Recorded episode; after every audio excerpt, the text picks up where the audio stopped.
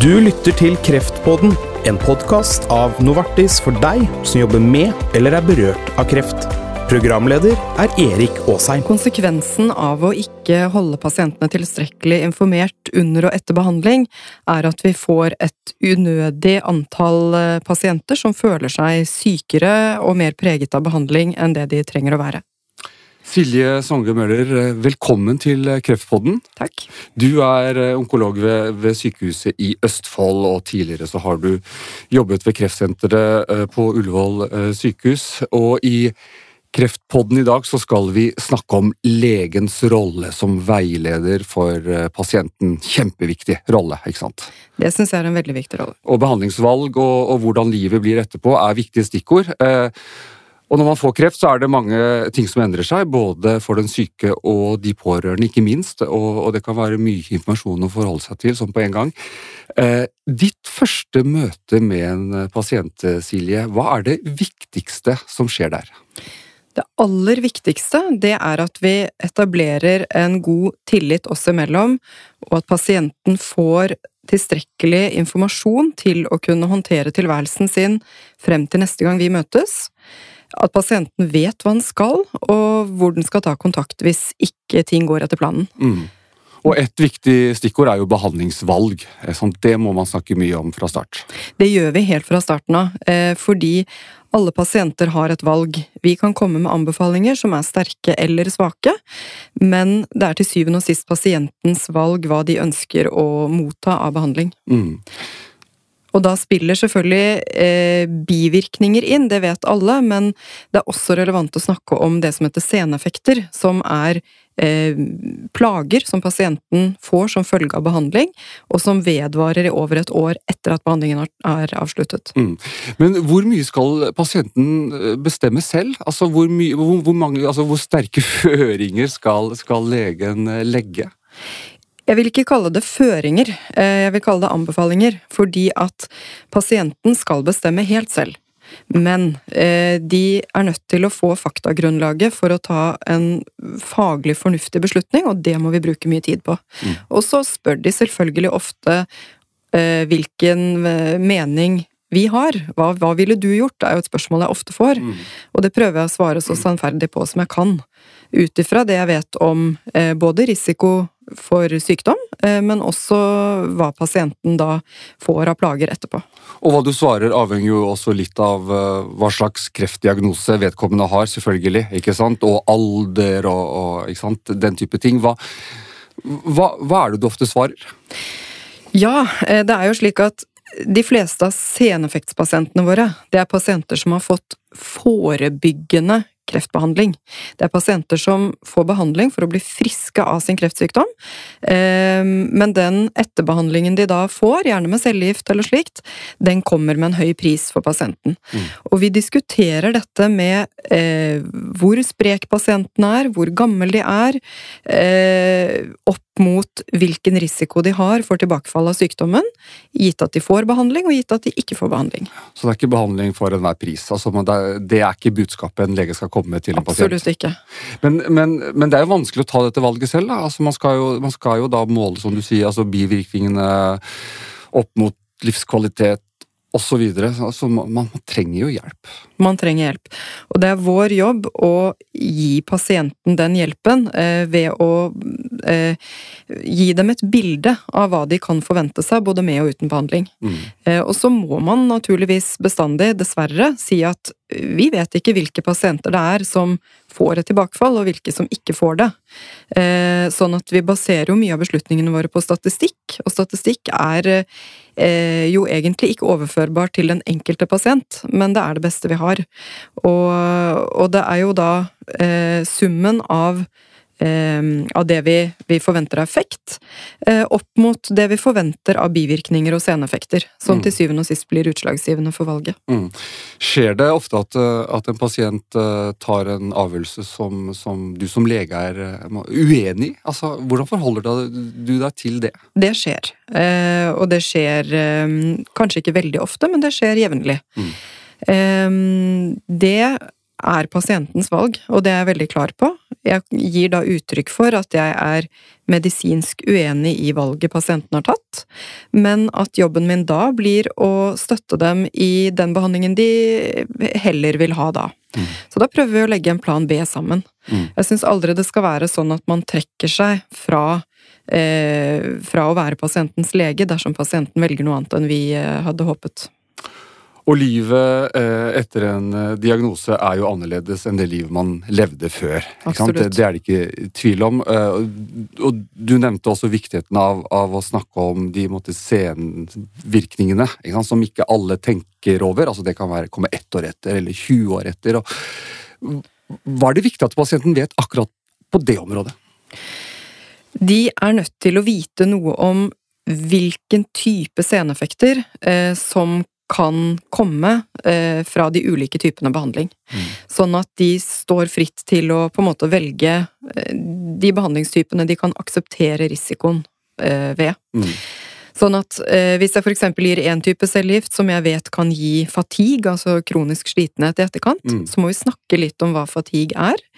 Eh, jeg må også prøve å fortelle pasienten noe om eh, pasientens individuelle risiko. For det er jo ikke slik at alle har like høy risiko for alle bivirkninger. Eh, så det tar jeg med i, eh, i samtalen. Mm. Eh, og så er det andre typer, typer, behandling som kanskje kan påvirke nerver i hender og føtter og gi redusert balanse, redusert funksjon og, og, ellers smerter og plager. Det er jo også ting som må være med i, i beslutningsgrunnlaget. Og så prøver jeg å trygge pasienten på at jeg vil hjelpe dem underveis til å avbryte behandling dersom det viser seg at denne behandlingen slår spesielt negativt ut for pasienten. Mm. Men noen garanti mot eh, seneffekter, det kan jeg jo dessverre aldri gi. Hei, jeg heter Anita Fredriksen. Og jeg er Anita Henriksen. Så fint at du lytter til Kreftpodden. Denne podkasten er et initiativ fra Novartis for å fremme kunnskapsdeling og faglige diskusjoner innen fagfeltet onkologi. Den er ment for deg som jobber med eller er berørt av kreft. Vi spiller stadig inn nye episoder for å kunne utvikle podkasten med dagsaktuelle tematikker. Følg med og abonner på Kreftpodden, så blir du varslet når det kommer nye episoder. Du lytter til Kreftpodden. Jeg heter Erik Aasheim og har besøk av Silje Songe Møller, kreftlege ved Sykehuset i Østfold, og temaet er legens rolle som veileder. Og Silje, behandlingen er over, og så skal man tilbake til livet, man skal tilbake til jobb, og det kan være en humpete vei, ikke sant? Absolutt. Det som skjer for mange, det er at de glemmer når det har gått litt tid etter behandlingen, så glemmer de at de ikke er helt der hvor de var da de gikk ut av jobb. Mm. De er kognitivt påvirket av det de har vært gjennom. De har vært lenge ute av arbeid og har vært vant til å håndtere helt andre oppgaver med hodet sitt eh, enn det de skal i en jobbsituasjon. De er fysisk ofte svekket. Der er jo variasjonen veldig stor. Men, men, eh, uansett hvordan man vrir og vender på det, så er det å være borte fra jobb i en lang periode eh, noe som gjør at det er fornuftig å tenke gradvis tilbakeføring. Mm. Og det er det du som lege eh, ønsker å formidle til, til dine pasienter? Ja. Både til pasientene Vær tålmodig, ikke sant? Ja. ja. Vær tålmodig, ikke gap over for mye. Jeg pleier mm. å si til mine pasienter at det er lurt å starte med å møte opp på arbeidsplassen. Mm. Spise lunsj med kollegaene. Da får du den sosiale treningen. Så kan du begynne å vanne blomster og kopiere litt. Eh, og deretter så kan du gradvis gå tilbake til de oppgavene du hadde før. Eh, og da får du også rolig testet ut hvordan kroppen din fungerer til de ulike formålene. Mm. Men er er, er det, litt forskjell på, på menneskegruppene her òg? Altså i forhold til alder, altså hvor langt man har kommet i karrieren osv.? Altså, budskapet må vel tilpasses litt her, også fra, fra, legens side? Helt klart. Og det som jo er litt skummelt, det er at høyrisikogruppen for å falle ut av jobb og for å utvikle spesielt av fatigue, det er de yngre damene som har belastninger på mange områder. De som har mange baller i lufta, små barn, krevende jobb, eh, omsorgsoppgaver, eh, det er pasienter som vi må ta ekstra godt vare på. Litt sånn flink pike-generasjonen, ja, rett og slett? Ja. ja. Mm. Uh, ja. Og, og, og, de litt eldre, hva, hva, hva, sier dere der? Ja, For dem så er problemstillingen ofte litt annerledes. Uh, de der er jeg mer engstelig for å svekke deres daglige funksjoner. Eh, mange av dem er jo allerede ute av jobb når de starter i behandling, men det er jo vel så viktig å sikre at disse pasientene vil fungere hjemme og orke å eh, ta vare på seg selv og huset sitt og være sammen med barnebarn og familie. Gjøre den typen ting da, som, som gir dem livskvalitet. Mm. Så selv om ikke det er noe sånn stort eh, samfunnsøkonomisk aspekt ved å, å, holde den gruppen i form sånn sett, så syns jeg det er vel så viktig, fordi at eh, en pasient som er i dårlig form, eh, de vil ha en redusert livskvalitet og vil da bli sykere som følge av det. Mm, så det er ikke noe regnestykke når det gjelder det samfunnsøkonomiske, er ikke nødvendigvis fortest mulig tilbake i jobb? Absolutt ikke. Det, og det sier jeg klart og tydelig til pasientene, at de har mye bedre sjanse for å lykkes på lang sikt. Og det er jo lurt fra et samfunnsøkonomisk perspektiv, at de kommer i jobb igjen, men det er ikke nødvendigvis slik at det å forte seg tilbake til jobb eh, øker sjansen. Hva kjennetegner de som lykkes? De som lykkes, er godt informerte pasienter eh, som legger en god plan sammen med meg, sammen med fastlege, sammen med Nav. Eh, det er folk som føler seg trygge og ivaretatt og opplever mestring. Eh, de opplever at ting er omtrent som forventet, og at når de ikke er det, så får de hjelp og støtte. Mm. Så de trygge pasientene, de gjør gode beslutninger, og de kommer seg ofte i jobb igjen.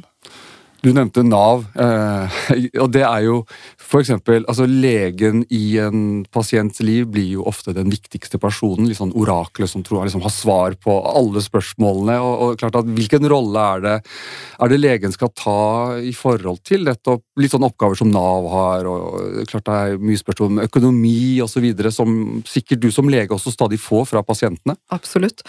Det er jo slik at i Norge så har vi mulighet for å få sykepenger i ett år. Og etter det så går man eh, over på noe som heter arbeidsavklaringspenger hvis man ikke kan komme tilbake i jobb. Eh, det er en mellomløsning før en eventuell uførepensjon, og da går man ned en tredjedel i inntekt. Mm. Dette forbereder jeg pasientene på ganske tidlig. Ja.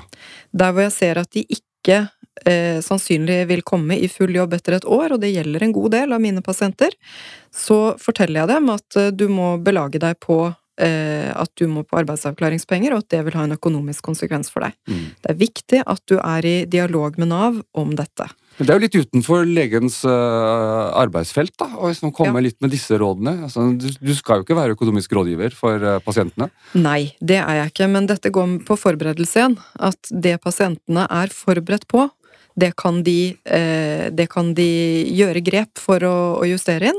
Og så kommer ikke det som et sjokk for dem da i uke 53 at de går ned en tredjedel i lønn. Mm.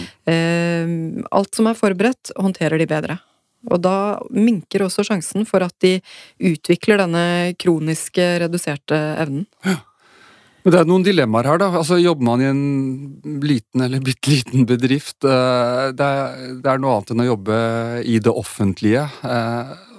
Hvordan skal man forholde seg til, til en arbeidsgiver kanskje hvor det er to-tre ansatte, og mm, folk sitter bare og venter på at du skal komme tilbake og gjøre jobben din? Det er kjempevanskelig. Eh, men da pleier jeg å si til pasientene at på lang sikt så er det gunstig for deg at du investerer i tid nå. Selv om det er vanskelig å si nei, selv om du ser at de andre lider under ditt fravær, så vil det på sikt være bedre for dere alle om du bruker litt bedre tid på å komme tilbake i jobb for da er det større sjanse for at du holder. Dersom du går for tidlig tilbake og går på en smell og blir fullt sykemeldt igjen, eh, så vil du for det første ha reduserte eh, muligheter til sykemelding hvis du allerede har brukt opp sykemeldingsrettighetene dine. Mm. Eh, så havner du i et økonomisk uføre der. For det andre så eh, vil en sånn smell som det er, å på en måte ryke på en ny sykemelding, det vil eh, ha en veldig negativ psykisk effekt på pasienten. Det er på en mm. måte antimestring. Mm. Skjer det ofte? Ikke hvis vi har gjort jobben vår først, mm. er min uh, hypotese. Ja. At hvis vi klarer å uh, holde pasienten uh, innenfor det som de opplever som mestring, og godt forberedt hele tiden, så tror jeg i hvert fall det skjer med færre. Ja. Men er det flere som kommer tilbake eh, på jobb altså tidligere i dag pga. at behandlingene jo årene er jo blitt snillere, eller, det, eller, eller, ser vi noen andre typer bivirkninger? Ja, Det som er litt eh, underlig og skremmende, det er at eh, på flere områder så, så slanker vi inn på behandlingen som gis. Vi har nyere forskning som viser bedre hvilke pasienter som, eh, som er tjent med mye behandling, og hvilke som kan slippe litt billigere unna. Men eh, til tross for at vi da har slanket litt inn på den eh, sinteste behandlingen på flere av gruppene, så ser vi at blant annet fatigue øker.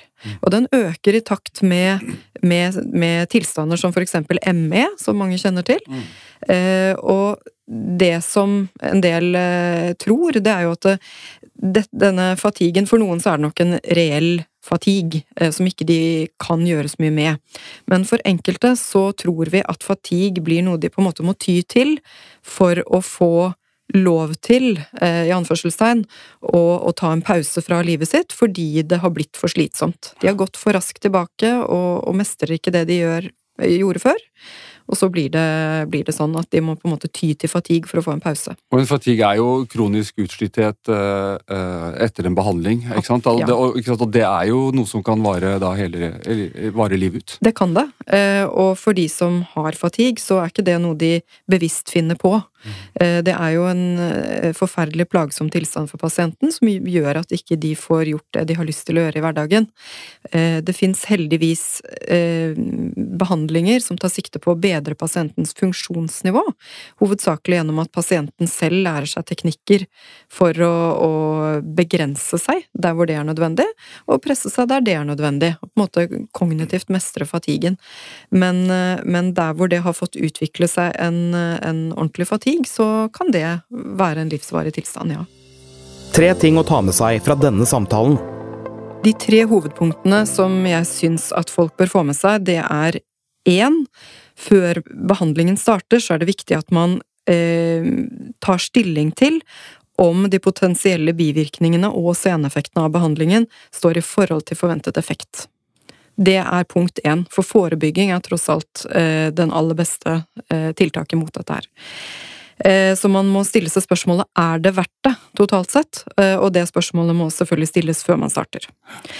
Så er det eh, et stort poeng å ivareta pasienten og gi god informasjon både før, under og etter at behandlingen er avsluttet. Jeg tror at vi kan oppnå mye på å tilby pasienten litt mer hjelp og støtte enn det en del gjør. Ehm, når mine pasienter drar fra kontoret, så sier jeg til dem at eh, du kan alltid ringe meg etterpå. Det er ikke sikkert at det er jeg som skal hjelpe deg med problemet, men ring meg hvis du tror jeg kan hjelpe deg, så ser vi om dette kan løses med en enkelttelefon. Det er sjelden de ringer, men da har de tryggheten. Ehm, sist, men ikke minst, så gjelder dette med å skynde seg langsomt. Det er en klisjé, men det er en god klisjé. Ehm, man må ta hensyn til at eh, kropp og hode ikke er der hvor det var da du gikk inn i kreftbehandling, og man må bruke tid på å justere seg inn til sin nye tilværelse. Takk til deg, Silje Songe Møller fra Sykehuset i Østfold.